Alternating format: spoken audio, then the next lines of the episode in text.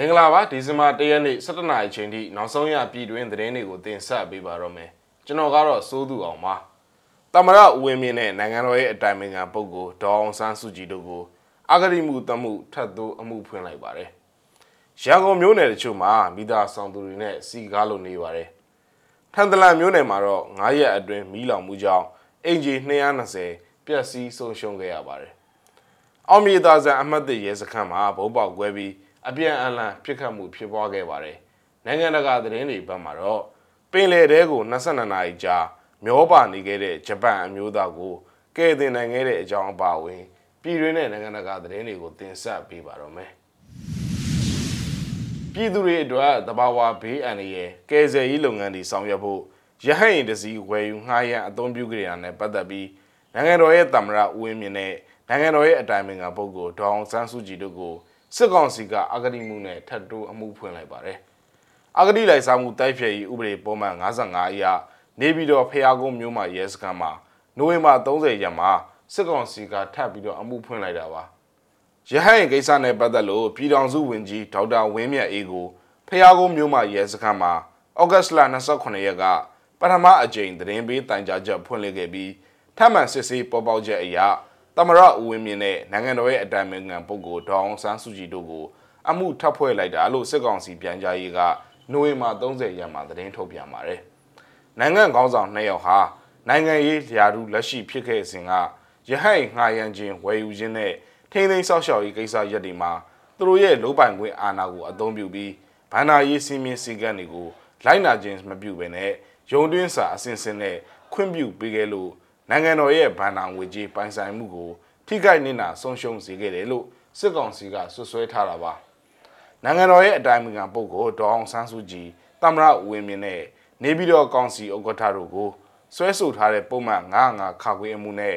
အတိုင်ပင်ခံပုဂ္ဂိုလ်နဲ့တမရတို့ကိုတီးခြားစီဆွဲဆိုထားတဲ့တဘာဝဘေးပုံမှန်နှစ်ခုစုစုပေါင်းအမှု၃ခုကိုနိုဝင်ဘာ30ရက်မှာအပိသက်စီရင်ချက်ချဖို့ချိန်ဆခဲ့ပေမဲ့တရားရုံးကဒီဇင်ဘာ6ရက်မှာ အမိန့်ချမယ်ဆိုပြီးတော့ရက်ရွှေဆိုင်ထားတာလည်းဖြစ်ပါတယ်။ရန်ကုန်မြို့ရဲ့နေရာအတော်များများမှာလျှက်စစ်မီတာပေးဆောင်ဖို့တန်းစီဆောင်ဆိုင်နေသူလူရကနန်းလောက်ရှိတာကိုနိုဝင်ဘာ30ရက်မနက်ပိုင်းကမြစည်းမသတင်းတောက်ကမြင်တွေ့ခဲ့ပါတယ်။တောင်တော်ကုန်းမြို့နယ်လျှက်စစ်မီတာရုံမှာ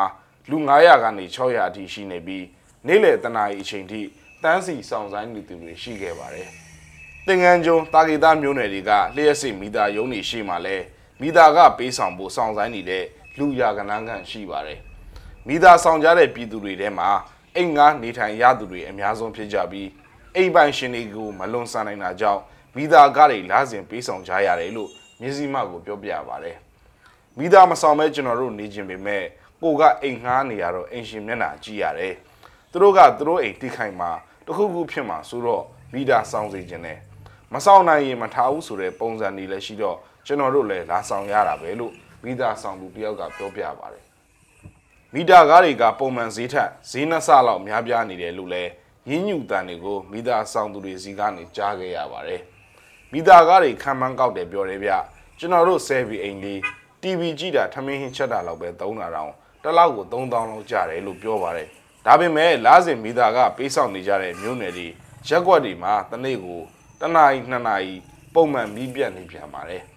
နိုဝင်ဘာ30ရက်နေ့လယ်ပိုင်းအထိတောင်တော်ကုန်းမြို့နယ်တချို့မှာနေ့လယ်ပိုင်းမှာစတင်မီးပြတ်ခဲ့ပြီးတနာရီကျော်တဲ့အထိမီးပြတ်တော့ခဲ့ပါတယ်။ဒါအပြင်မှာတင်ငန်းကျွန်းတန်လင်းတာဂေတရွှေပေါက်ကံအစရှိတဲ့မြို့နယ်တွေကရက်ွက်တချို့မှာလည်းတနာရီနဲ့2နာရီကြာအထိမီးပြတ်ခဲ့ကြပါသေးတယ်။ရန်ကုန်ပြီးတော့မန္တလေးဘက်ကိုဆက်လိုက်ရအောင်ပါ။မန္တလေးတိုင်းဒေသကြီးအောင်မြေသာဆန်မြို့နယ်အမှတ်၁ရဲစခန်းဟာ နိုဝင်ဘာ30ရက်ညနေပိုင်းဘုံခွဲတက်ခိုက်ခံရပြီးနှစ်ဖက်အပြန်အလှန်ပြစ်ခတ်မှုဖြစ်ပွားခဲ့ကြောင်းဒေသခံတွေစီကနေသိရပါတယ်။ညနေ6နာရီလောက်ကရဲစခန်းရှိမှာအုံငနယ်ပေါက်ကွဲတန်ကြီးနဲ့အတူတနတ်တန်တွေပါဇက်တိုက်ကြားရတယ်။နောက်တော့စစ်ကောင်စီတွေက16လမ်းကိုပိတ်ပြီးအလုတ်သွားအလုတ်ပြန်တွေကိုစစ်တော့တာပဲ။အခုထိစစ်နေတုံးမယ်လို့အောင်မြေသားဆန်မြို့နယ်နန်းရှိဒါနာဘွားရက်ကွက်နေထိုင်သူတယောက်ကနိုဝင်ဘာ30ရက်ည 9:45မိနစ်မှာပြောပြပါတယ်အဆိုပါတိုက်ခိုက်မှုကိုဒေသကာကွယ်ရေးတပ်ဖွဲ့နှစ်ဖွဲ့ကပူးပေါင်းလှုပ်ဆောင်တာဖြစ်ကြောင်း Justice Mandalay People Defense Force JNPDF ကသတင်းထုတ်ပြန်ထားပြီးတိုက်ခိုက်မှုဖြစ်စဉ်အတွင်းစစ်ကောင်စီတပ်သားတွေအထီးအခိုင်မရှိခဲ့တဲ့အတွက်ပြည်သူကိုအနူးအညွန့်တောင်းပန်ကြောင်းကိုလည်းတာဝန်ရှိတဲ့လူတစ်ယောက်ကပြောပါတယ်ရဲစခန်းမှာရှိတဲ့စစ်ကောင်စီတပ်ဖွဲ့တွေကိုလက်ပစ်ဘုံနဲ့တိုက်ခိုက်ပေမဲ့သူတို့ကိုကြော်လွန်ပြီးတော့ရေမြောင်းနဲ့ကြားရောက်ပောက်ကွဲသွားတာဖြစ်ကြောင်း စစ်ကောင်စီဘက်ကဝိုင်းဝန်းပစ်ခတ်တာကြောင့်သူတို့ဘက်ကလည်းပြန်လဲခုခံခဲ့ရကြောင်းအခုအခါမှာတော့လုံခြုံဘေးကင်းရာစီကိုစုတ်ခွာနိုင်ခဲ့ပြီလို့သတင်းထုတ်ပြန်ချက်မှာပါရှိပါတယ်အခင်းဖြစ်ပြီးတော့စစ်ကောင်စီတပ်သားတွေကလမ်းတော်လမ်းလာတွေကိုပိတ်ဆို့စစ်ဆေးပြုလုပ်ခဲ့တဲ့အတွက်လည်းပြည်သူကိုအနူးအညွန့်တောင်းပန်ကြောင်းအဆိုပါတာဝန်ရှိတဲ့သူကပြောပါတယ်။အောင်မြေသာသာမြို့နယ်နန်းရှိစကိုလန်ဘေးမှာအမတ်တစ်ရဲစခန်းဟာအခုတစ်ချိန်နဲ့ဆိုပါလျင်ဘုံခွဲတက်ခိုက်ခံရတာ ၃ချိန်တည်တည်ရှိပြီလည်းဖြစ်ပါတယ်။ချင်းပြည်နယ်ထန်တလန်မြို့နယ်မှာတော့နိုဝင်ဘာ25ရက်ည8နာရီကနေ29ရက်မနက်8နာရီအချိန်ထိ9ရက်အတွင်းမီးလောင်ကျွမ်းမှုကြောင့်နေအိမ်အလုံးပေါင်း220မီးလောင်ပြကြသွားရကြောင်းထန်တလန် Revolutionary TRC ကနိုဝင်ဘာ30ရက်ညပိုင်းမှာထုတ်ပြန်လိုက်ပါတယ်။ထန်တလန်မြို့ပေါ်ရက်ကွက်တွေဖြစ်တဲ့ဇုံမွန်ရက်ကွက်မှာအိမ်52လုံး လုံတဲရက်ကွက်မှာအိမ်35လုံးနဲ့စိုက်ပျိုးရေးရက်ကွက်မှာအိမ်134လုံးမီးလောင်ပျက်စီးခဲ့ရာစုစုပေါင်းနေအိမ်220မီးလောင်ကျွမ်းခဲ့ရတာပါလက်ရှိထန်တလန်မှာမီးလောင်ကျွမ်းမှု10ချိန်ရှိခဲ့ပြီးစိုက်ပျိုးရေးရက်ကွက်ကစိတ်နီကိုလတ်ကက်သလစ်ဖះเจ้าအပါအဝင်ဖះเจ้า၄เจ้าနဲ့လူနေအိမ်400ကျော်မီးလောင်ဆုံးရှုံးခဲ့ရပြီးပါပြီခင်ဗျ ဆက်လက်ပြီးတော့နိုင်ငံတကာသတင်းတွေဘက်ကိုလည်းတွားရအောင်ပါဂျပန်မှာပင်လယ်ပြင်အတွင်းလှေမှောက်ပြီး22နာရီကြာမျောပါနေခဲ့တဲ့အသက်69နှစ်အရွယ်အမျိုးသားတစ်ယောက်ကိုကမ်းခြေဆောင်တပ်ဖွဲ့ကရှာတွေ့ပြီးတော့ကဲတင်ပေးနိုင်ခဲ့ပါတယ်အဆိုပါအမျိုးသားပင်လယ်ပြင်နဲ့မျောပါနေခဲ့ပြီးအခုလိုရှင်းတန်လွတ်မြောက်ခဲ့မှုကတော့အံ့ပွေရာဖြစ်တယ်လို့ကမ်းခြေဆောင်တပ်ဖွဲ့ဝင်တယောက်ကပြောပါတယ်အမည်မဖော်ပြလိုတဲ့အဆိုပါအမျိုးသားဟာ ပြီးခဲ့တဲ့နိုဝင်ဘာ28ရက်မော်လဲပိုင်းက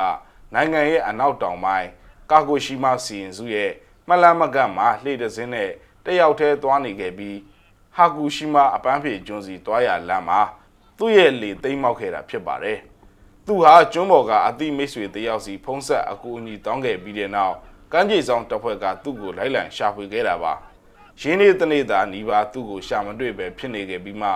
နောက်ဆုံးမှာတိမ်းမောက်နေတဲ့လှေရဲ့ အင်ဂျင်ပေါ်မှာထိုင်ပြီးပန့်ကအစိပ်ပိုင်းတစ်ခုကိုခတ်တင်းတင်းစုပ်ကန်လျက်သားရှိနေတဲ့အဆိုပါအမျိုးသားကိုတွေ့ခဲ့တာဖြစ်တယ်လို့ကမ်းခြေဆောင်တပ်ဖွဲ့က AFP ကိုပြောပါတယ်။သူကပင်လယ်ထဲမှာ22နာရီကြာတယောက်တည်းရှိနေခဲ့တာပါ။သူ့ရဲ့ရှင်သန်လွတ်မြောက်နိုင်စွာအရေးအချင်းတွေကတော့အံ့စရာပါပဲလို့အမိမဖော်လို့သူကမ်းခြေဆောင်တပ်ဖွဲ့ဝင်တယောက်ကပြောပါတယ်။ကမ်းခြေဆောင်တပ်ဖွဲ့ကဖော်ပြတဲ့ရုပ်သံထဲမှာတော့အဖွဲ့ကသူ့ရဲ့လေစီသွားနေပြီးကျွန်တော်တို့လာနေပြီးမြဲမြဲကင်ထား ဆိုပြီးတော့အော်ပြောနေတာကိုတွေ့ရပါတယ်။အဆိုပါအမျိုးသားဟာမီးကိုးရောင်ပလတ်စတစ်အစတစ်ခုနဲ့သူ့ကိုယ်သူပတ်ထားပြီးတော့အနှွေးတဲ့ရအောင်လှုပ်ထားခဲ့တယ်လို့တာဝန်ရှိတဲ့သူတွေကပြောပါတယ်။သူအသက်ရှင်လွတ်မြောက်ခဲ့တာအံ့ဖွယ်ရပါပဲလို့ကမ်းခြေဆောင်တပ်ဖွဲ့ဝင်တယောက်ကပြောခဲ့ပါတယ်ခင်ဗျာ။